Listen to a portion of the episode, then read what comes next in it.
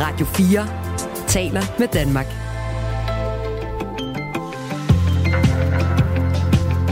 Velkommen til Radio 4 morgen.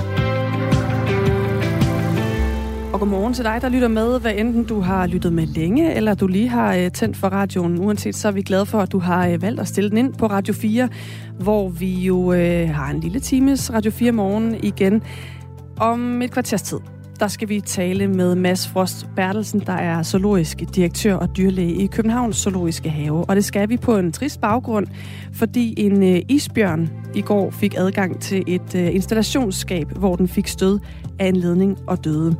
Det var altså i øh, Københavns Zoologiske Have, det her fandt sted, og nu vil direktøren sikre sig, at noget lignende ikke kan ske. Så det skal vi tale med ham om om et kvarters tid.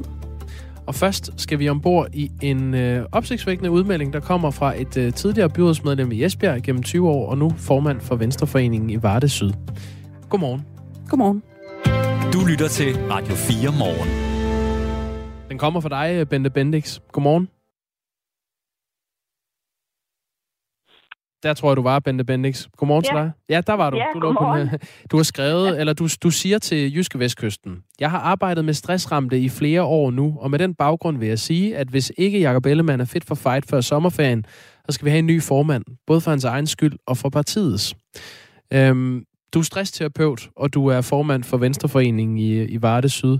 Hvorfor mener du, der er brug for en ny formand, hvis ikke øh, Ellemann er klar på den her side af sommerferien? Altså, stress, det er jo en voldsom belastning, både fysisk og mentalt, igennem meget lang tid. Og det kommer man ikke sådan lige over. Øh, det er for de fleste en, en, en voldsom oplevelse at gå ned med stress. Og øh, da det er meget langveje, og øh, hvis ikke man bliver, hvad skal man sige, fuld fit for fight fra starten af, så har det med at trække meget lang tid ud. Og det betyder jo, at øh, hvis Jakob han ikke bliver fit for fight øh, inden for nogle måneder nu her, så står Venstre jo i et kolossalt problem, at vi mangler generalen på broen.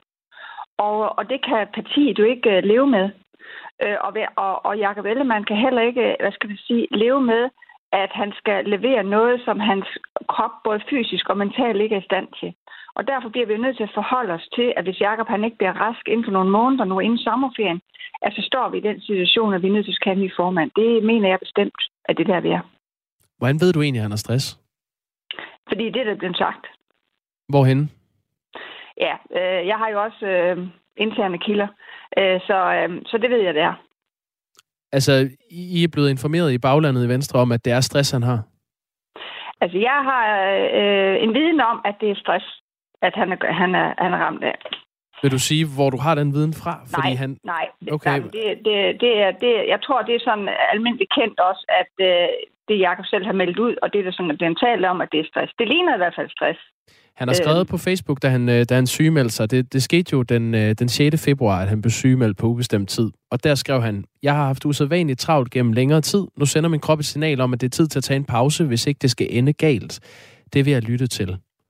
Men han har aldrig brugt ordet stress i, i offentligheden. Nej, nej, men det, vi, vi kan kalde det belastning, og det er også ligegyldigt, hvad vi kalder det. Vi har en, en formand, der er sygemeldt med svær belastningsgrad, ser det ud til i kroppen og kan ikke fungere. Øh, og det er, skal man tage hensyn til, og han skal se, om stille og roligt bliver rask igen. Det er ligesom det, der, der, der er essensen i det her. Ikke? Du har arbejdet med, øh, med stressramte gennem flere år. Øhm, har du nogen grund til at tro, at Jacob Ellemann ikke bliver klar? Nej, det har jeg ikke. Altså, der er, der er en, en må... Han har kun været sygemeldt cirka en måneds tid eller sådan noget. Og, øh, og alting med stress, det har jo en længde. Øhm, der i, hvor Jakob jo har en stor udfordring, det er jo, at han skal ikke bare tilbage til en 37 timers arbejdsuge. Han skal jo tilbage til meget, meget mere, fordi han har den position, som han har. Så derfor at, at hvad skal vi sige, at krav til, til hans helbred jo væsentligt større nærmest, end, end det er til almindeligt stressramte mennesker, der skal tilbage på deres arbejdsplads på, på 37 timer. Altså han er jo, øh, hvad skal man sige, han er jo i den situation, hvor han nærmest er mere, har mere end en en direktørstilling både som minister og, og formand for partiet. Så han har en meget, meget stor opgave, der ligger foran sig. Og, og så derfor øh, har man øh, svær belastningsgrad i kroppen, øh, kaldt det stress, eller hvad man vil, det hedder det jo altså. Øh, så øh, tager det meget lang tid, og, og, øh, og det er ikke bare sådan noget lige, man kan sove sig til. Nej, man har brug for ro, når man er stresset, ikke? Ja, det har man. Man har brug for ro, og man har brug for stille og roligt at komme til, eller skal vi sige, komme til hektaren igen. Og det, det, der jo er værst ved, ved stress, generelt stress, det er, at man bliver angrebet kognitivt. Det vil sige, at man har svært ved at huske, man er svært ved at koncentrere sig, man har svært ved at have udholdenhed. De kognitive færdigheder, det er det, der er så voldsomt, når man bliver stressramt. Og det er noget af det, der har, er så svært ved at genvinde igen. Du kan godt hvile dig til, at du er i kroppen egentlig øh, føler dig udhvilet, men når du bliver udsat for øh, belastninger eller beslutninger eller tiltag, som kræver en indsats af dig, så får du kognitive problemer. Og du har svært ved at fungere i hverdagen med de helt almindelige ting, som at huske noget, som at, at, at være til stede i en samtale, som at kan være social. Alle de her almindelige færdigheder, som mennesker, der ikke er stress, og det er de fleste mennesker, der heldigvis ikke ramt af stress, men, men, hvor det ikke er noget problem. Hvis vi nu øh, antager, at, at du har ret i, at han har stress, og at man har brug for ro, når man har stress, tror du så, det bidrager til ro, når du er ude og melde ud, at I skal have en ny øh, formand, øh, hvis han ikke er tilbage inden sommerferien? Jamen, øh, mit ærne er sådan set ikke at, at, at, at presse nogen. Det er bare i et interview at sige, jamen hvis ikke vi har, uh, hvis ikke Jacob er fit for fight til sommerferien, ja, så står vi i den situation, at vi er nødt til at skære en ny formand. Sådan ser det bare. Tror du ikke, det er stressende altså, det, det, for ham? Jo, det tror jeg, det er. Men jeg tror også, at det er en befrielse for ham måske at sige, jamen jeg har det for nu her frem til sommerferien. Det er da også en lang periode. Det er da, det er da en 3-4 øh, måneder nu her, hvor man kan sige, okay, jeg kan godt hvile mig i 3-4 måneder. I den her artikel, ja, ja. som, øh, som Jyske Vestkysten har udgivet her til morgen med interviewet med dig, der udtrykker du, at du i forvejen ikke er specielt tilfreds med, at Venstre er gået ind i en regering med øh, Socialdemokratiet og Moderaterne. Øhm, vi har fået en sms fra vores lytter Michael, som skriver, er der et motiv, når Bente Bendix melder sådan ud? Fordi om ikke andet, så giver hun da Ellemann stress over de udmeldinger om, at han skal til at være rask. Mener du, øh, Bente Bendix overhovedet, at Jacob Ellemann er den rigtige øh, formand for Venstre? Ja, det gør jeg Ja, helt klart, Jakob Jacob han løfter en fantastisk god opgave. Han er vores formand, så ham støtter jeg 100% op omkring. Der er ikke noget slet motiv nogen steder. Øh, og i forhold til regeringen, øh, det var det bedst mulige valg, at Jacob kunne træffe. Sådan er det. Og øh, når en formand træffer en beslutning, jamen, så bakker vi op omkring den. Øh, ingen øh, tvivl om det. Vi var alle sammen øh, målløs lige til at starte med. Øh, det var vi da, øh, og skulle lige sunde os over det. Øh, og vi vil også gerne lige se nogle resultater, og de er jo begyndt at komme frem nu. Så helt klart, altså, øh, øh, Jakob er vores formand, øh, indtil andet, han har sagt, helt klart. Og øh, jeg bare lige for at forstå helt, hvor du står i forhold til, at Venstre er gået i regering med Socialdemokratiet og Moderaterne. Var det, var det en god ting eller en, en dårlig ting? Det må vi jo se. Øhm, altså, øh, den er så ny endnu, og øh, de, der kommet noget kluntet fra starten, stor bededag. Øh, men vi må se, hvor det bærer hen, det her. Altså, der er nogle store ting, som de jo får igennem endnu. Øh, hele uddannelsesreform og sundhedsreform osv. Lad os se, hvor det bærer hen. Øh, det tror jeg, at alle tænker, jamen lad os nu se, øh, øh, om, om, det, om, om det bærer noget positivt. Det var det bedst mulige, fordi der var jo ikke nogen samlet blå øh, blok, der kunne levere noget politik, og det er heller ikke flertal. Så det var det bedst mulige. Eller også skulle Venstre stå udenfor. Det kunne vi have valgt. Men så har vi i hvert fald ingen indflydelse på. Og så har vi fået en ren rød regering. Øhm, og, og det har jo været, antageligt været, eller det havde jo været meget værre. Øhm, så, så derfor, nogle gange, så er det de mulige kunst. Det er der, man må operere i. Og det er det, Jakob har gjort, og det bakker ham op i. Hvis du lige har tændt din radio, så taler vi med Bente Bendix, som er ny formand for, øh, for Venstreforeningen Varde Syd. Det er den største øh, venstreforening, lokalforening på, på de kanter. Øh, og så er du så også stressterapeut. Der er flere lyttere, der spørger nu, hvor du, øh, du diagnostiserer Jakob Ellemann her i radioen, øh, Bente Bendix. Og hvad er din baggrund? Altså, er du, er du læge? Jeg er uddannet sygeplejersk, socialrådgiver og psykoterapeut. Så var du svar på det. Øh, ja. du, siger, du siger til Jyske Vestkysten, nu skal vi jo lige finde benene i forhold til Ellemann, for vi skal vinde Venstre. Øh, for skal vi vinde Venstre tilbage som Danmarks største parti, så skal vi have en general. Politik er ikke for tøsedrenge. Som politiker er du nødt ja. til altid at kunne manøvrere i de nye vilkår. Hvis Ellemann ikke er klar til at vende tilbage før sommerferien, er han så en tøsedreng? Uha, nej. Jakob han er nok den mest modige politiker, jeg nogensinde har mødt. Øhm, og det kræver stort mod og, øhm, at gå ind i alt det, Jakob er gået ind i. Og det kræver meget stort mod at erkende, at man ikke kan mere. Øh, rigtig mange mennesker, de øh, kører jo for langt over grænsen og, og går ned øh, og må slæbes fra, fra stedet. Jakob han var så modig at sige, det her, det belaster mig, jeg er nødt til at trække mig. Så han er nok en af de mest modige mænd, jeg kender. Hvor, øh, hvorfor siger så... du så nu øh, i den her sammenhæng, at politik ikke er for tøsedrenge? Det er det for ikke generelt ikke. Nu er det, nu er det jo en artikel, der er skrevet i, i, i Jyske Vestkysten omkring det at være i politik, ikke? Og det er, øh, altså det er det ikke. Altså bevæger man sig ind i politik, og der har jeg jo været i, i temmelig mange år, øh, og, og det er det ikke, fordi øh, det er jo, altså du er jo, kan man sige, konstant i øh, konkurrence med dine egne øh, inden for egne øh, partirækker. Øh, du er konstant i øh, front med borgere, som måske mener noget andet, end det du selv gør, og opposition og ting. Så, altså, der, der er et voldsomt øh, øh, arbejds, kan vi sige, belastning i det at være øh, politiker. Så derfor så, øh, altså, det kræver, han har sagt, øh, øh, øh, hvad skal man sige, hår på brystet i forhold til at kan være politiker. Og det tror jeg, at de fleste politikere, de vil anerkende. Og det er i hvert fald ikke blevet mindre med, med tiden, må jeg så sige, øh, ud fra den tid, jeg har været med.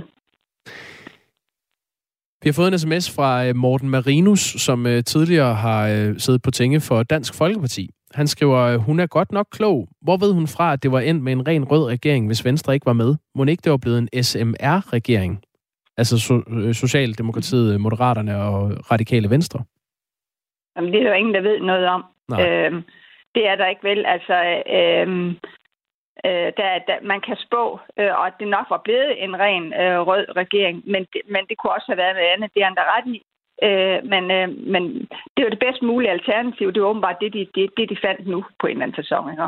Det, det, det, der er opsigtsvækkende, og grunden til, at vi også øh, ringer til dig her til morgen, Bente Bendix, det er, at du er en af få fra, øh, fra baglandet i Venstre, der er ude at sætte en, øh, en deadline på, i forhold til, hvornår I skal have en ny formand. Det, det ja. har folk jo været varsomme med generelt.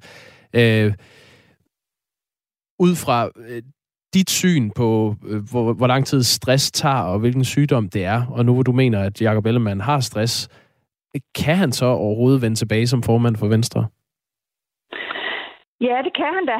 Øhm, hvis han, øh, nu ved jeg jo ikke, hvor hårdt han er ramt. Det er der ingen, der ved. Vi ved jo kun det, vi har fået meldt ud øh, i, i, i medierne som sådan. Det han selv har skrevet, ikke? Øh, så, så jeg ved ikke, hvor hårdt han er ramt. Øhm, men det kan han. Altså man kan godt vende tilbage på fuld speed efter en, en stressperiode. Øh, og det er individuelt for hver menneske, hvornår man øh, er klar til det igen. Så det kan han godt. Øh, og han skal, øh, hvad skal vi sige, han er forhåbentlig i stressbehandling. Øh, det håber jeg da inderligt, han er. Øh, og sådan, at han, han stille og roligt kommer tilbage. Men det tager bare enormt lang tid. Og problemet er jo for os, det er jo, at Venstre ligger jo ned. Altså, det har aldrig været så slemt at være venstremand øh, i, i dag, kan man sige, før som i dag. Altså, øh, det, er jo det, det er jo det hele problemet er. Øh, fordi hvis, hvis, øh, hvis Venstre havde over 30 procent af en tilslutning, øh, og, og øh, altså, så, så var det jo ikke så stort et problem. Men, men, men vi, vi, er jo, vi er jo blødende. Øh, og derfor så, så bliver vi da nødt til at kigge på, hvor lang tid kan man være i det her rum, hvor man kan sige, at generalen kan være sygemeldt. For mig at se, så kan det ikke være for ubestemt tid. Hvem skal tage over, hvis han ikke er tilbage? Altså, hvis han ikke bliver rask inden sommer, hvem skal så være ny formand? Det ved jeg ikke. Hvem synes det må du? vi tage derfra. Det, det vil jeg slet ikke øh, udtale mig om, for det ved jeg simpelthen ikke. Øh, så har vi et nyt problem, som vi håndterer, når vi når derhen til. Du får lige to sms'er. Øh, der er en del lyttere, der engagerer sig i det her interview. Øh, Bente Bendix, altså øh, stressterapeut og formand for Venstreforeningen Varde Syd, som mener, at øh, Jakob Ellemann har ind til sommerferien til at blive rask, hvis han skal vende tilbage.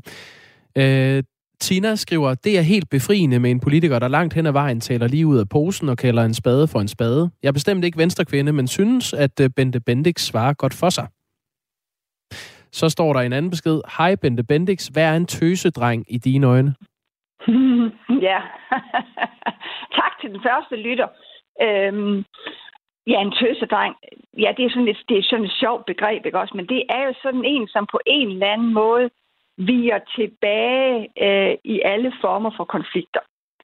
Øh, det er, jeg ved, hvis man slutter op i ordbogen, så står det, jeg ved ikke, om man kan slå det op, men det er jo sådan, i hvert fald i min optik, en, som på en eller anden måde ikke tør gå ind i konflikter, ikke tør bevæge sig derud, hvor man kan få nogle øretæver, eller på en eller anden måde er nødt til at, øh, og, som, som trækker sig øh, stort set øh, for alt det, der er ubehageligt. Jeg tror vel, det er nærmest definitionen, vil jeg tro. Men jeg ved det egentlig ikke. Det er jo sådan et, det er jo sådan et, et, et, et, et sprog, vi bruger på en eller anden fasong. Mm. Okay, Bente Bendix, vi slipper dig her. Tak fordi du var med. Ja, selv tak du. Godt. Øh, altså, hej. Formand for Venstreforeningen Varde Syd. Øh, du kan læse hele interviewet, øh, Bente Bendix har givet til Jyske Vestkysten inde på jv.dk. Klokken er 20 minutter over 8. En håndskreven note kan være begyndelsen på en bog, et teaterstykke eller en artikel. Jeg har en masse strøtanker og sætninger, som tumler rundt ind i hovedet. I notesbogen på Radio 4 åbner forfatter Kasper Kolding, dramatiker Line Knudsen og journalist Torben Sangil deres egne notesbøger og deler deres iagttagelser med lytterne. Mine noter er sjældent bare sådan stikord. Det er som regel tankerækker. Lyt til notesbogen hver søndag kl. 11.05. Radio 4 taler med Danmark. Det sker, at der er isbjørne, der dør, også i zoologisk have, men at det sker ved, at de bider en elinstallation over og øh, dør af stød, det hører heldigvis, vil jeg sige, til sjældenhederne. Ikke desto mindre, så er det det, der er sket i Københavns Zoo, hvor en fireårig isbjørn er død. Det skrev Københavns Zoo øh, på deres hjemmeside i går. Mads Frost Bertelsen er zoologisk direktør og dyrlæge i Københavns Zoologiske Have, og med os nu. Godmorgen. Godmorgen. Jeg tror, øh, du står i Tivoli. Er det ikke noget med det? Jo, for jeg er på vej ind for at snakke om elefanter med, med Godmorgen Danmark, men øh, jeg har fundet et stille hjørne til, jeg håber, det går. Det går så fint. Det er bare, hvis man undrer sig over, at der er sådan lidt, øh, lidt øh, susen i træerne i baggrunden, så ved man øh, hvorfor. Allerførst, Mads Frost Bertelsen, øh, altså øh, den her nyhed, som det jo er om, at øh, den her fireårige isbjørn er død, er du ked af, af, af det her til morgen? Jeg er utrolig ked af det, og det er vi alle sammen. Det er, det er ulykkeligt, og det skulle absolut ikke ske. Vil du ikke lige prøve at beskrive, hvordan den her isbjørn præcis døde? Jo, det der er sket, det er ude i det øh, store udanlæg, der vi kalder den arktiske ring, der øh, er der et par små lemme i klipperne, hvor man kan åbne en, altså en meget lille stålport for at komme ind til de installationer, der ligger inde bagved. Og det har fungeret udmærket de sidste 10 år, hvor anlægget har fungeret. Men af en eller anden grund, så har den ene af bjørnene altså fået lirket en af de her døre op. Og for ikke det skal være løgn, så har den fået ravet ind og fået fat i en ledning, så den kunne få fat i at bide i den. Og det har den gjort. Og så ser det ud til, at den er, den er død øjeblikkeligt efter, den har gjort det, for vi, vi ser ingen øh, tegn på, at den har ligget og, og sprejlet eller noget. Den er, den er simpelthen stendød med ledningen i munden. Og det er ja, så ulykkeligt, som det kan være. Hvordan kunne den komme til den her elinstallation? Ja, den er så gemt bag ved en, en ståldør med lås på, øh, altså, som er, den er vel øh, ja, cirka så stor som et A4-ark. Øh, og hvordan den har lykkes at gøre det, det, det ved vi jo ikke andet end, at, at, at de er utrolig stærke. De har bare ikke øh, lykkes at gøre det her før. Og det er selvfølgelig noget, vi straks øh, kaster os over for at se, jamen, er, der, er der nogen andre steder i, i det anlæg, eller i SOF for den sags skyld, hvor, hvor sådan noget kunne lade sig gøre. Så den har simpelthen fået revet den her lås op også, som sidder på lemmen? Lige præcis.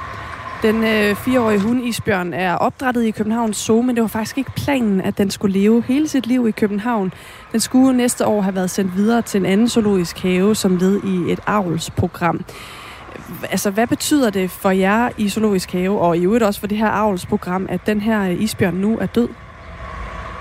Ja, det er jo et kæmpe tab for, for avlsprogrammet. Man kan sige, for os, øh, så, så er det altid meningen, at de her dyr, de skal videre til det næste sted, hvor de selv skal forhåbentlig skal være forældre og være med til at holde de her redningsbestander. Det er jo det, de er. Det er jo meningen, at vi skal være selvforsynende med, med de her dyr, og i nogle tilfælde være nødt til at sætte dem tilbage i naturen, hvis der er problemer. Og det kan vi jo ikke øh, gøre. Vi kan ikke passe på dyrene på den måde, hvis vi så øh, mister dem. Øh, man kan sige, at øh, programmet øh, i dag har omkring 130 isbjørne i Europa, og der bliver født en 4 til 6 om året. Så, så det er et stort tab, men det er ikke et uopretteligt tab. Hvordan vil du sikre, at det her det ikke kan komme til at ske igen, altså at et, et andet dyr kan komme til at gøre det, som isbjørnen har gjort? Ja, det har vi faktisk allerede kigget på. Vi har ikke de her døre andre steder. Vi har heller ikke nogen dyr, der er helt så stærke som isbjørn. Konkret så har vi gjort det, nu at vi har sat i gang få skiftet. Der er faktisk tre af de her lemme, og de skal selvfølgelig skiftes med noget, der er endnu stærkere. Kunne I have set det komme? Altså har I nogensinde øh, tænkt, at det, det her det kunne være et scenarie? Det har vi jo faktisk ikke, fordi vi, det, det, som jeg siger, så har, blev det her bygget for, for 10 år siden, og, og, og dyrene er gået frem og tilbage foran de lemme der i al den tid uden, uden problemer. Men, øh, men det er jo da sådan noget, hvor man siger, ej, kunne man dog ikke have gjort noget andet? Øh, det, det tror jeg ikke, vi kunne i det her tilfælde. Det er selvfølgelig også, øh, som du sagde, fordi det er et meget stærkt dyr, en isbjørn. Men, øh, men er der andre øh, steder rundt om i Zoologisk Have, hvor I øh, nu skal til at gennemgå, ikke kun om der kan være lignende af de her lemme, men om der også kan være andre øh, ting, som dyrene kan få fat i, som måske er lidt skjult, men ikke mere skjult, end at de faktisk kan komme hen til det og få adgang til det? Det er jo klart, at sådan noget her, det gør jo, at vi, at vi vågner ekstra op og kigger, men, men det er jo ikke, fordi vi ikke til hverdag gør det, så vi har jo hele tiden nogle sikkerhedseftersyn. Vi har nogle utrolig dygtige dyrepasser, der hver dag holder øje med deres øh, områder. Så, øh, så, så det er jo ikke, fordi vi sådan skal tråle det hele igennem. Vi har en ganske god fornemmelse af, at, at vores sikkerhed generelt er rigtig høj. Hvad skal der ske med den her isbjørn nu? Ja, det, der skal ske, er faktisk allerede sket. Den skal obduceres. Det bliver alle dyr, der dør i zoologisk have, for selvom i det her tilfælde vi godt vidste, hvad dødsårsagen er, så kan det jo være, at der gemmer sig et eller andet andet i den. Og derudover så er der faktisk blevet taget en masse prøver ud af vores forskere, som øh, skal bruges til at sammenligne med vilde isbjørn. Og det er jo sådan, at øh, de vilde isbjørn er, er truet i dag, ikke bare af klimaforandringerne, men også af miljøgifte, øh, tungmetaller, øh, pesticider og også de her PFOS og PFAS og videre, vi, øh, vi, vi udleder. Det ender altså meget af det i det arktiske miljø, og øh, forskere på øh, Aarhus Universitet har en masse data på de vilde bjørne, og sådan en som den her kan blive et utroligt vigtigt kontrolelement i, øh, i den undersøgelse. Det sagde altså øh, Mads Frost Bertelsen. Tak, fordi du havde tid til at være med her til morgen.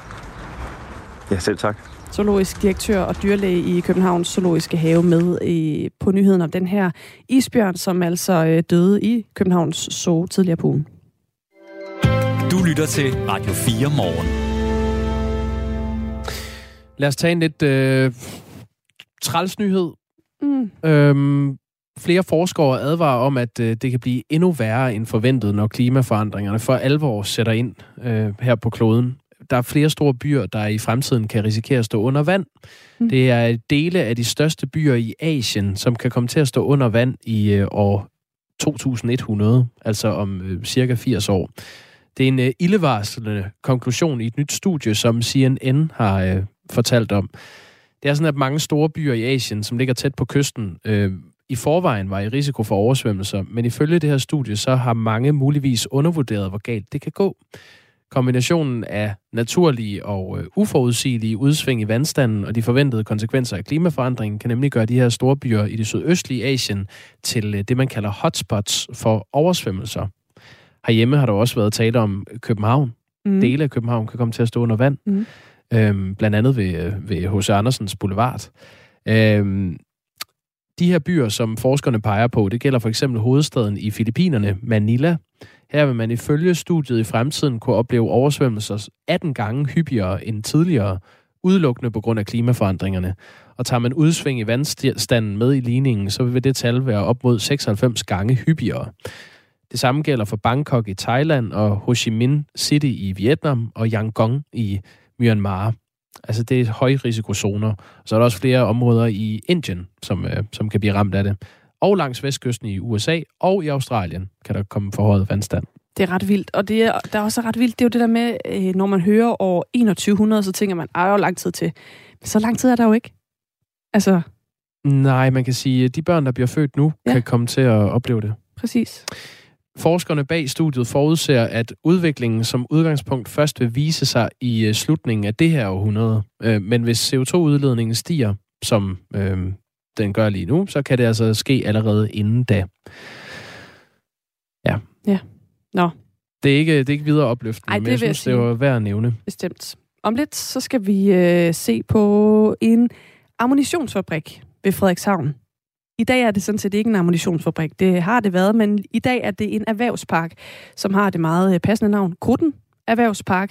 Men regeringen pynser på at genskabe en ammunitionsfabrik, fortalte øh, fungerende forsvarsminister Troels Lund Poulsen i går fordi Ukraine jo øh, efterspørger store mængder af ammunition fra Vesten for at kunne forsvare sig i krigen mod Rusland. Der ligger altså den her gamle ammunitionsfabrik med stort set tomme bygninger, som øh, der nu er nogen, der måske godt kan se øh, en idé i at genoptage og få øh, det til at blive øh, til en ammunitionsfabrik igen. Vi skal tale med øh, direktøren for Kruden Erhvervspark. Han hedder Tobias Højmark Madsen om øh, lige præcis det her øh, mulige øh, nye sted, hvor der skal produceres ammunition. Ja, Forsvarsministeriets Materiel- og Indkøbsstyrelse i Ballerup har nemlig længe ønsket sig at genskabe sådan en ammunitions ammunitionsproducerende virksomhed i Danmark, fordi man har lidt øh, slunkne lagerhylder, når det gælder ammunition. Det bliver spændende at høre det interview. Det sker om fire minutter. Nu skal vi høre fra Mathias Bunde. Klokken er halv ni. Nu er der nyheder på Radio 4. Georgiens regeringsparti oplyser, at et kontroversielt lovforslag droppes efter to nætter med voldelige protester i hovedstaden Tbilisi. Det skriver nyhedsbyrået Reuters. Lovforslaget gik ud på at pålægge organisationer, som modtager mere end 20 procent i støtte fra udlandet, at registrere sig som udlandske agenter. Og hvis det var blevet indført, så ville det have store konsekvenser for befolkningen i Georgien, det siger Charlotte Flint Pedersen, der er direktør i det udenrigspolitiske det udenrigspolitiske selskab og har et særligt godt kendskab til Østeuropa. Man vil straks være blevet omfattet af mistanke, at du er en udenlandsk agent. Hvorfor er du det? Øh, men, og det har man set, øh, hvordan, altså hvad der er sket i Rusland siden 2012, at det er blevet sværere og sværere for civilsamfundet at agere. Så man frygtede simpelthen, at det vil være gradvist være en måde at lukke munden på civilsamfundet. Siden tirsdag har der været store demonstrationer i landet, og de har altså nu resulteret i, at regeringen har trukket lovforslaget helt tilbage. Man kunne se, at, øh, at demonstrationerne tog til og tog til og tog til. Altså folk øh, bakkede op om demonstranterne. Øh, så jeg tror, man tænkte, vi bliver nødt til at trække den her lov for, at ellers ender vi med ikke længere sidde ved regeringsmagten sagde her Charlotte Flint Pedersen, direktør i det udenrigspolitiske udenrigspolitiske selskab. Georgien forsøgte sidste år at blive et EU-land, men EU de afviste at godkende landet som kandidatland. Landet fik at vide, at det, det skulle sætte fart på forandringer inden for eksempelvis retssikkerheden. Fire ukrainere meldes dræbt i et russisk angreb på byen Lviv i det vestlige Ukraine. Det oplyser guvernøren i regionen. På nuværende tidspunkt har vi kendskab til fire døde. Det er fire voksne, to mænd og to kvinder, det skriver guvernøren på beskedtjenesten Telegram. Flere regioner er natten til i dag blevet udsat for russiske angreb. De fire dræbte i Lviv-regionen er de første dødsoffre, der er registreret efter nattens angreb. Foruden Lviv-regionen er det blandt andet havnen i Odessa og Ukraines næststørste by Kharkiv, som er blevet ramt. Også ved atomkraftværket Zaporozhia og i hovedstaden Kiev meldes der om eksplosioner. Adskillige steder der har angrebene ført til omfattende strømafbrydelser. Dansk Industri håber, at regeringen vil lave flere IT-uddannelser i deres nye uddannelsesreform. Der er nemlig flere virksomheder, som har svært ved at finde netop den type arbejdskraft, det viser tal fra Danmarks Statistik.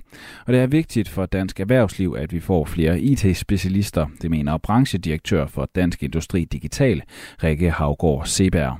Mange af de store udfordringer, vi står overfor, energikrise, klimakrise, mangel på arbejdskraft i sundhedsvæsenet, det kan vi kun løse, hvis det er, at vi bruger ny teknologi og digitalisering. Men det kræver også, at vi har medarbejdere, som kan lave de løsninger og kan arbejde med de løsninger. Sidste år der afviste landets universiteter 300 ansøgere til IT-uddannelserne på grund af mangel på pladser. Derfor der håber Rikke Savgaard Sepa, at regeringen vil lave flere pladser på IT-uddannelserne. Som det ser ud nu, så er det dog ikke en del af regeringens planer, men uddannelses- og forskningsminister Christina Elund har ikke afvist, at det kan blive en del af forhandlingerne om en ændring af de videregående uddannelser. Centralt i regeringens uddannelsesudspil, som det hedder, er, er at op imod halvdelen af kandidatuddannelserne skal forkortes fra to år og ned til et år og tre måneder.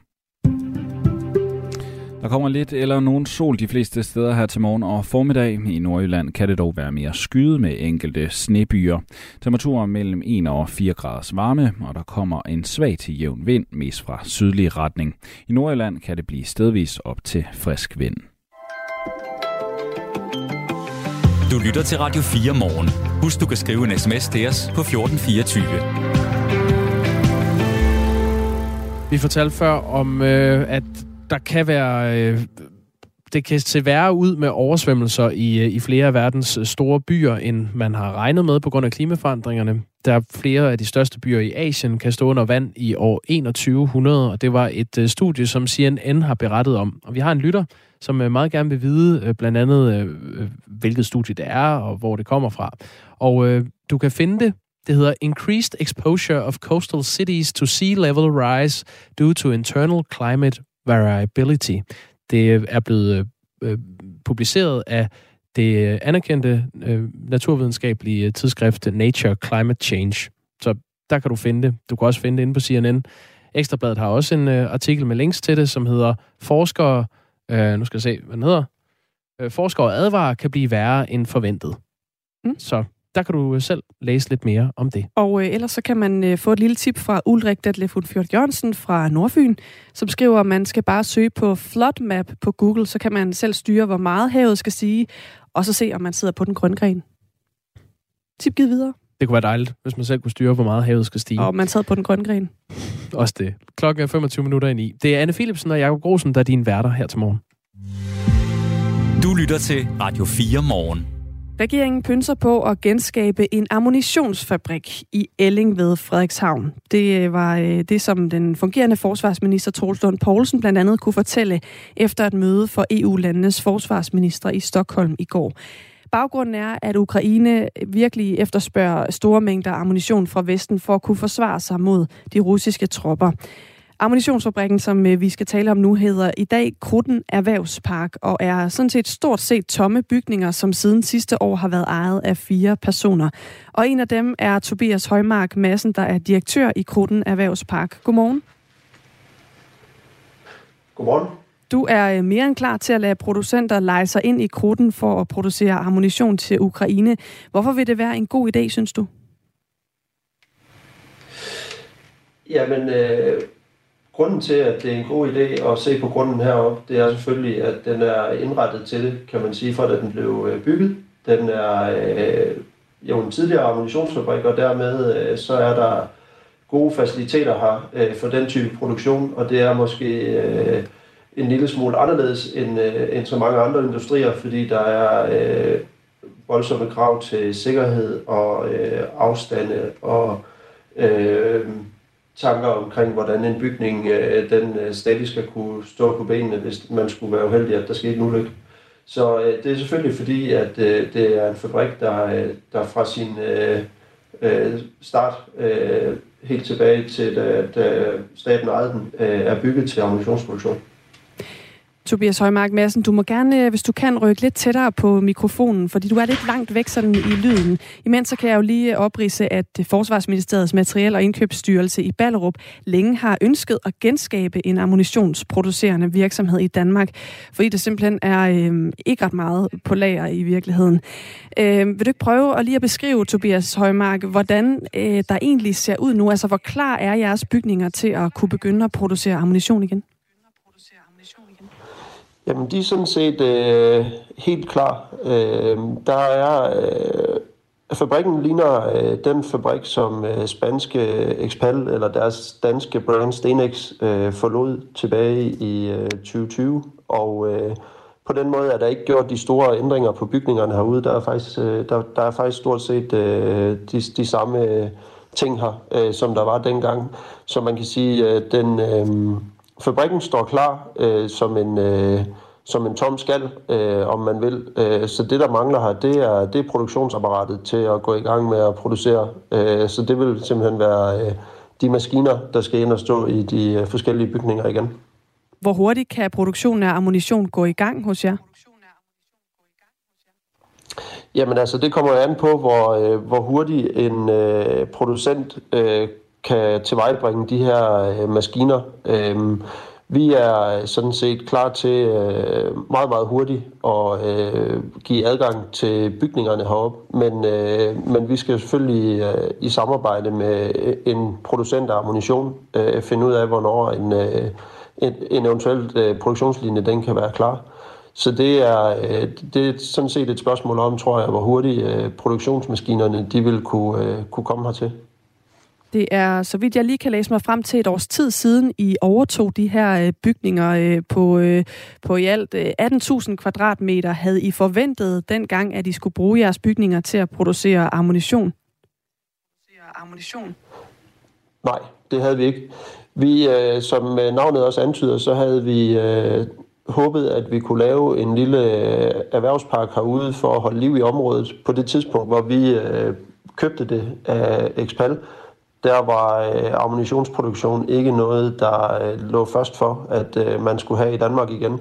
Så på det tidspunkt var øh, tank, tankerne nogle helt andre, og, og den plan øh, er nu øh, lige sat på pause, øh, mens vi afdækker det her med, om fabrikken er bedre at tage i drift som øh, ammunitionsfabrik igen. Så, øh, så den, øh, den første tanke var, øh, var en helt anden, øh, men øh, det var før, at, øh, at krigen i Ukraine startede, og før at øh, det her emne det blev øh, øh, vendt på hovedet, kan man vel sige. Og nu er I altså klar til at øh, sige ja til det, hvis det bliver tilbudt jer, at I skal begynde at, at, at lege bygningerne ud til nogen, der kan genoptage produktionen af ammunition. Det gætter jeg på også, fordi der er nogle øh, lukrative kontrakter forbundet med, med det. Hvad regner du egentlig med, at I vil kunne øh, tjene på, hvis øh, det her det bliver en realitet? Jamen, jeg ved ikke, hvad vi vil øh, kunne tjene på det, men øh, det er klart, at for at man kan drive et sted som det her, så er man nødt til at have en, øh, en forretning, og det ville det jo også være, selvom det var en erhvervspark, vi, øh, vi forsøgte at få, øh, få i gang herude. Men for os er det nu øh, egentlig lige så vigtigt, at vi har øh, vi, vi er fire lokale, der har købt det, og øh, vi... Øh, brænder for at få øh, arbejdspladserne tilbage til, øh, til Nordjylland og øh, få gang i det her område, sådan så det ikke er noget, der, øh, der forfalder og forsvinder øh, i... Øh, øh, altså, så, så det er sådan set lige så meget de tanker, der kommer til at, at bære øh, det her med at prøve at få gang i en øh, ammunitionsfabrik igen. Sagde altså Tobias Højmark Madsen, der er altså. direktør for øh, Krutten Erhvervsparke. Tak fordi du var øh, med her. Klokken er 8.41. Du lytter til Radio 4 morgen. Den danske abortlovgivning er forældet, og regeringspartiet Socialdemokratiet bærer en stor del af skylden for, at der ikke er blevet gjort noget. Den kritik kommer fra en række af Socialdemokratiets egne unge kvinder i partiet, som har skrevet et åbent brev til toppen i Socialdemokratiet. Det nærmer bestemt 29 unge kvinder, øh, som alle er under 35 år. En af dem er Maria Gudme, hun sidder i regionsrådet i Region Hovedstaden for Socialdemokratiet. Og så har hun også tidligere siddet i Folketinget i en kort periode. Og hun mener altså, at øh, Socialdemokratiet nøler, når det kommer til at udvikle på den danske abortlovgivning. Jamen for os, der handler det egentlig om at påtage sig det ansvar, vi, øh, vi jo mener Socialdemokratiet øh, til alle tider egentlig har, har gjort. Øh, bare sådan noget som at få øh, abortlovgivningen, øh, som det er jo 50-året for, for abortlovgivningen, den fri abort, mm. som vi har i dag, øh, den, den blev indført i 73, og det synes vi var et kæmpe grundlæggende øh, skridt i forhold til kvinderettigheder. Øh, men siden da synes vi ikke, at øh, der har været øh, et arbejde med den lovgivning og få den til at følge med tiden. Og det synes vi altså, at vores parti har et ansvar for at løfte. Og Maria Gudme her mener, at Socialdemokratiet har gjort for lidt. På abortlovgivningen, ja.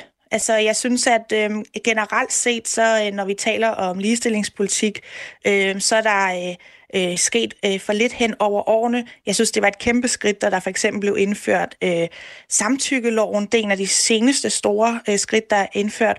Men lige præcis det her med abortloven, øh, det, øh, det, er, det har været noget, der har været, øh, hvad skal man sige... Øh, tabubelagt at tale om. Det har i hvert fald været en, en, en, en dagsorden, øh, hvor der er rigtig mange øh, følelser og holdninger, øh, og det synes jeg ikke, vi skal lade os skræmme af. Jeg synes, at vi skal øh, som minimum få den øh, stået lidt af og, øh, og få fuldt med tiden med nogle af de ting, der står i den lov.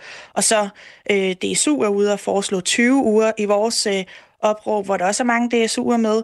øh, der vil vi i hvert fald bare gerne øh, nærme os øh, de nordiske standarder, der er omkring de, de 18 uger. Så det handler egentlig både om at få loven til at følge med tiden, men egentlig også efter vores øh, mening at udvide rettighederne til, at man altså ikke allerede øh, skal have taget stilling øh, ved, de, ved de 12 uger, som det er i dag.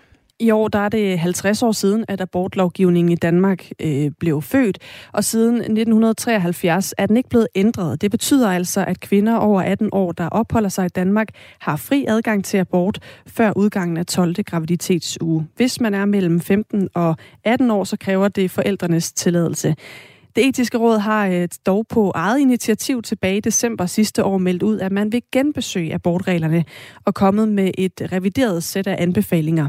Maria Gudme er øh, glad for etisk råds, råds initiativ, men hun mener også, at der skal gøres meget mere fra regeringens side. Jamen, øh, det er sådan set, altså vi er jo ikke imod øh, etisk råds arbejde overhovedet. Vi synes bare, at det bliver brugt lidt som en sovepude i forhold til at tage aktiv stilling. Og altså, abortlovgivningen var jo ikke noget, vi fik gratis for ærende dengang i, i 73. Det krævede også øh, virkelig, virkelig hårdt politisk arbejde af nogle, øh, øh, hvad hedder det, ja, forgangskvinder i, uh, inde, uh, inde i Folketinget øh, dengang. Øh, så vi er jo meget bevidste om, at den, den, altså, der kommer ikke til at ske noget, hvis vi ikke øh, siger, hvad vi mener, og hvis vi ikke presser på.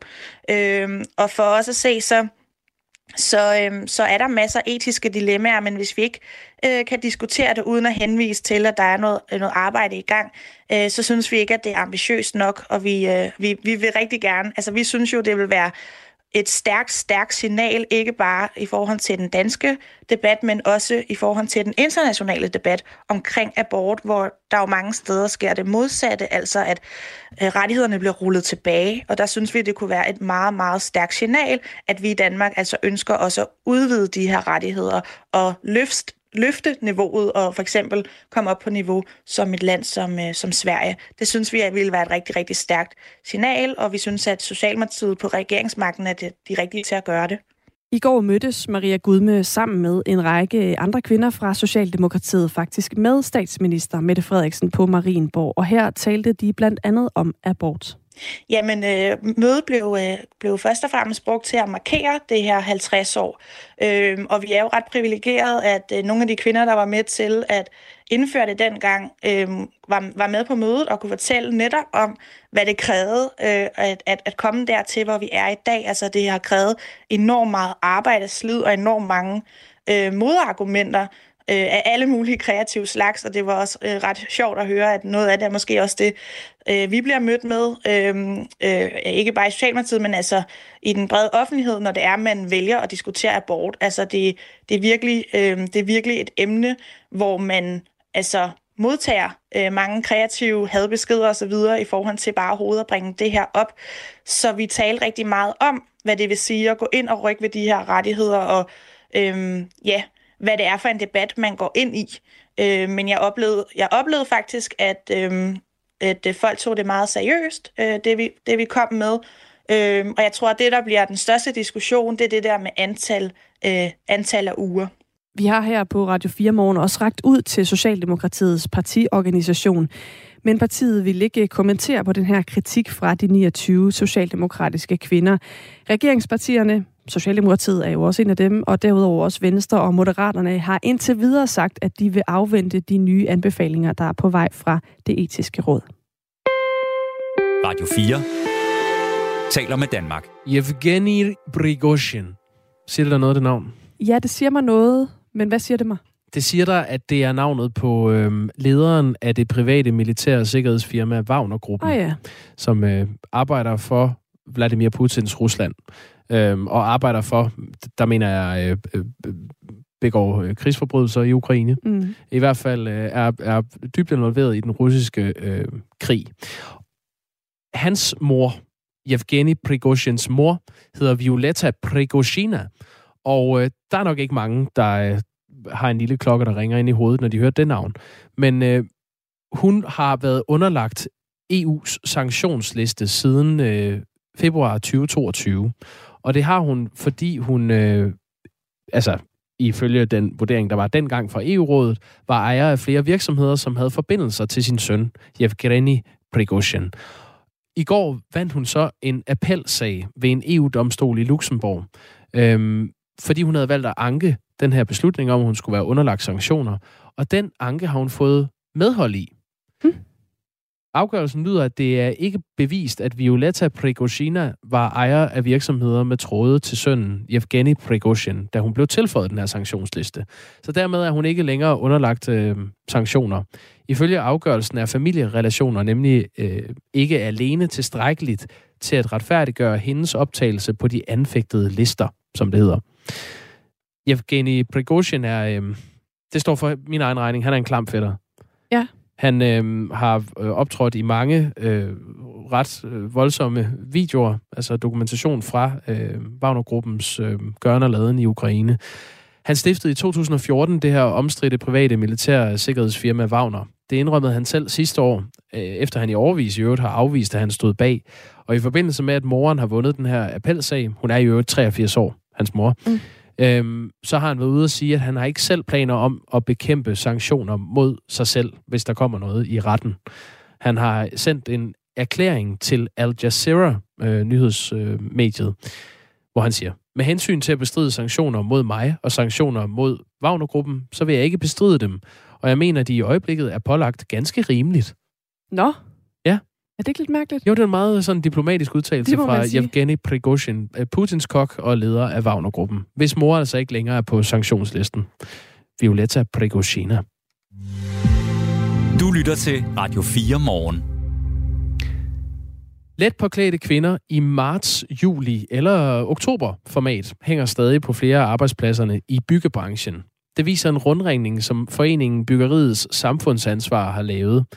Og det er en stor sten i skoen for branchens rekruttering. Det mener Byggeriets Samfundsansvar, som er en organisation, der er finansieret af og arbejder for virksomheder på tværs af byggebranchen. Christina Schulz er sekretariatsleder i Byggeriets øh, Samfundsansvar. Godmorgen, Christina Schulz. Ja, godmorgen. Hvorfor er det et problem, at der hænger øh, kalendere med, med nøgne kvinder i skurvognene rundt omkring? Ja, det tænker vi, vi er, fordi vi står med en branche, som jamen, både mangler arbejdskraft, øh, og der er det jo sådan lidt håbløst ikke at prøve at inkludere den ene halvdel af befolkningen. Øh, og der er kun 4 procent øh, håndværkere ude øh, på byggepladserne. Så der er i hvert fald, øh, altså som er kvinder, så der er i hvert fald noget at arbejde med her. Og det er, sådan et, det er jo kun et nedslag, men det er en af de ting, vi ved, at flere kvinder kæmper med. Hvad er det, I hører fra, fra kvinder i byggebranchen, når de ser sådan nogle øh, nøgenkalendere? Jamen, vi lavede en undersøgelse for et par år siden, hvor vi interviewede en række kvinder omkring det her. Øh, også mænd og ledere og medarbejdere for at sige, hvad er det, hvor, hvor trykker skolen i branchen for at få flere kvinder ind, fordi det har været så svært at ændre billedet. Øh, og det, de nævnte, det var, jamen altså det her med at træde ind, når du træder ind i, i en skurvogn, der, øh, hvor der hænger nøgne kvinder over det hele, så, så emmer det sådan en smule af mandehule, kan man sige, øh, hvor at øh, kvinderne måske ikke rigtig hører til. Øh, flere kvinder tænker også, hvad, hvordan skal jeg stå her og prøver at vise min faglighed frem, mens det er nøgne kvinder på væggen, der hænger ved siden af. Så det, det giver bare sådan en, øh, ja, en, en følelse af, at man ikke hører til derinde. I undersøgelsen svarer 13 af de 20 største entreprenørvirksomheder i Danmark, at nøgenkalenderne bliver brugt i mere eller mindre grad på deres arbejdspladser. Det er, altså, det er største del af dem, der siger, at der er, øh, der er noget om snakken, vi har noget hængende på væggen. Og med den her kampagne, Nøgenkalender i frokostpausen, rimeligt eller pinligt, sætter I i byggeriets samfundsansvar fokus på, hvor udbredt fænomenet er. Christina Schulz, er der ikke andre ting i byggebranchen, der er mere vigtige i forhold til rekruttering af kvinder, end at fjerne de her kalendere?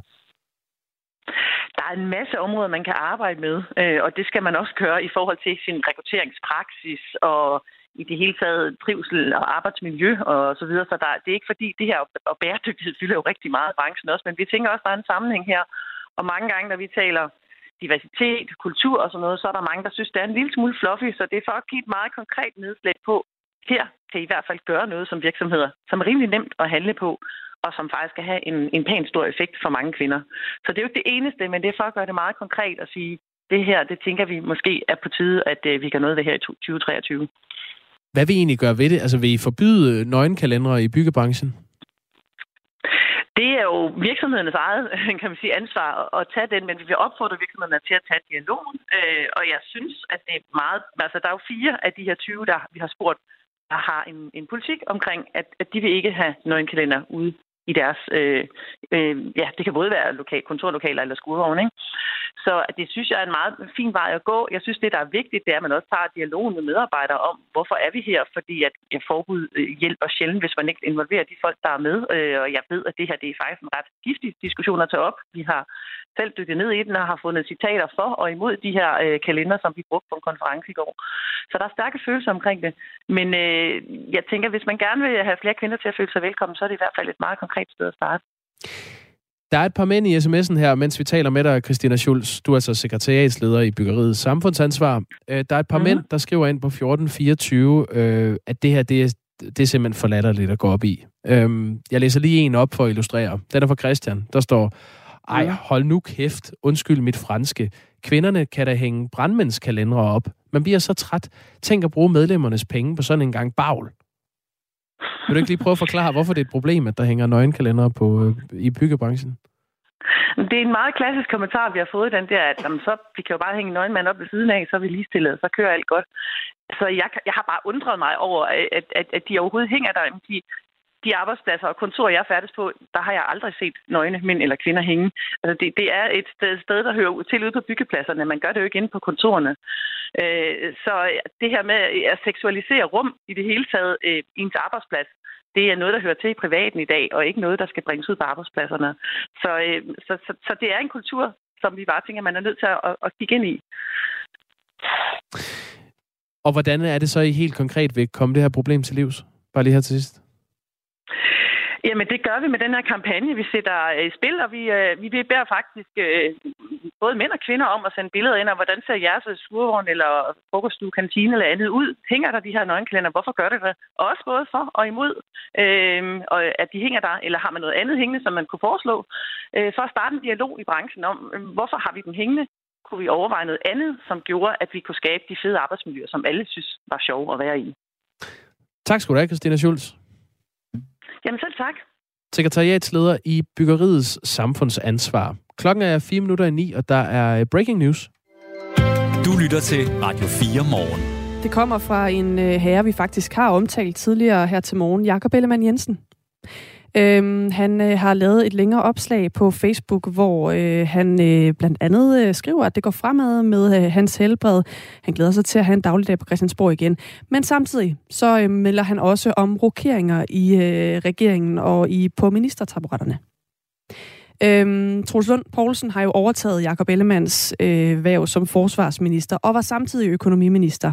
Og nu øh, lyder det altså, at øh, det, der er ret meget brug for, at han er øh, i forsvarsministeriet i øjeblikket. Så derfor så kommer det til at være Stefanie Lose, som øh, kommer til at træde ind som fungerende økonomiminister i regeringen nu. Ja, hun, øh, der, der er en, øh, en officiel erklæring fra regeringen her, hvor der står, Visestatsminister og forsvarsminister Jakob Ellemann Jensen er som følge af sygdom midlertidigt forhindret i at varetage ledelsen af øh, forsvarsministeriet, og økonomiminister Troels Lund Poulsen fungerer indtil videre som forsvarsminister. Regionsrådsformand for Region Syddanmark, første næstformand i Danske Regioner og næstformand for partiet øh, øh, Venstre, Stefanie Lose, udnævnes derfor til minister uden portefølje med henblik på at være fungerende økonomiminister under Jakob Ellemann Jensens overlov. Og det er altså noget, som statsministeren vil præsentere for øh, hans kongelige højhed, kronprinsen, kl. 11. Og derefter er der et øh, doorstep-pressemøde på Amalienborg Slotsplads. Jakob Ellemann Jensen øh, skriver også i øh, det her opslag, han skriver jo altså, at han øh, synes, det går fremad med helbredet. Øh, men han skriver også, at jeg er opmærksom på, at jeg skal være klar, inden jeg kaster mig over arbejdet igen, for jeg ved godt, at man hverken kan være minister eller partiformand på halv kraft. Så en øh, opdatering fra øh, Jakob Ellemann Jensen her til morgen, som altså også betyder, at der sker ændringer i regeringens toppen. Du lytter til Radio 4 morgen. Nu synes jeg, vi trænger til at snakke om noget, som øh, ja, fylder meget igen for mig. Jeg, jeg har taget nogle ting med her til morgen, hvor jeg tænker, det kan jeg simpelthen ikke øh, lade passere. I Japan, der bakser de med en virkelig klam trend lige i øjeblikket. Jeg ved, du også kender til den. Altså ikke, at du selv har været en del af det. Jeg har ikke selv været udøvende, men Nej. jeg, jeg er med på, at det er en, det er en form for sushi-terror, der finder sted lige nu i Japan. altså det er sådan noget, hvor øh, man, øh, nogen er begyndt at optage små film af sig selv, øh, som man kan lægge på sociale medier, hvor man gør klamme ting på sushi-restauranter, som for eksempel lige at tage sin tunge og så lige køre den op af flasken af sojasaucen, eller øh, lægge en øh, cigaret, et cigaretskod i en portion ingefær, eller øh, lige sådan tage håndspritten og så lige pst, på en sushi-rulle, som jo vel at mærke er den slags øh, sushi, hvor det kører rundt på sådan et transportbånd, hvor vi alle sammen lige kunne tage en tallerken ud, hvis vi havde lyst med noget dejligt sushi på. Ja, det er jo nemlig en vigtig detalje. Det, Ja. er, det er de der running sushi-restauranter, der virkelig er hårdt ramt. Og jeg får simpelthen myrekryb. Jeg, jeg så Ja. en video i går af en øretæve indbydende lille gnom af en dreng, som sad og slikkede på øh, sin Uh. finger. Han sad sådan... Nej. Og så ja. dyppede han ned i sushien. Ej, men det, Ej, men det er så ulækkert. Frygtelig ulækkert. Også fordi det, det trigger en grundfrygt øh, i mig, som jeg altid har haft, når jeg er steder, hvor der er sådan noget, her kan du bare lige tage noget soja selv fra den her flaske, som alle andre også kan tage soja fra, eller her kan du bruge den her ketchup. Så jeg har altid tænkt, det kan jeg ikke lide, fordi hvad kan folk da ikke have fundet på at gøre med den? Og så har jeg tænkt, at der er jo ikke nogen, der gør noget. Folk er jo ikke psykopater. Det er de. Ja. I Asien. Det skal jeg da love for. Øh, nogen er. Skal Ja, lige det er jo bare de her, øh, der er lige sprunget på den her øh, TikTok-trend, som det er. Men det er jo så nok til, at nu er der faktisk flere steder, øh, restauranter i Japan, der siger, at vi kan ikke køre det her øh, rullende buffet ja, og, længere. og, og der er vigende øh, gæsteantal på de Ja, her sushi godt. Ja, Puha. kæmpe problem i Asien. Jamen, øh, lad os da bare beskrive det. Ad, føj. Ja, og tak for i dag. Ja, og tak fordi I har lyttet med. I, øh, vi er tilbage i morgen. Om fem minutter er der ring til Radio 4. Klokken er 9.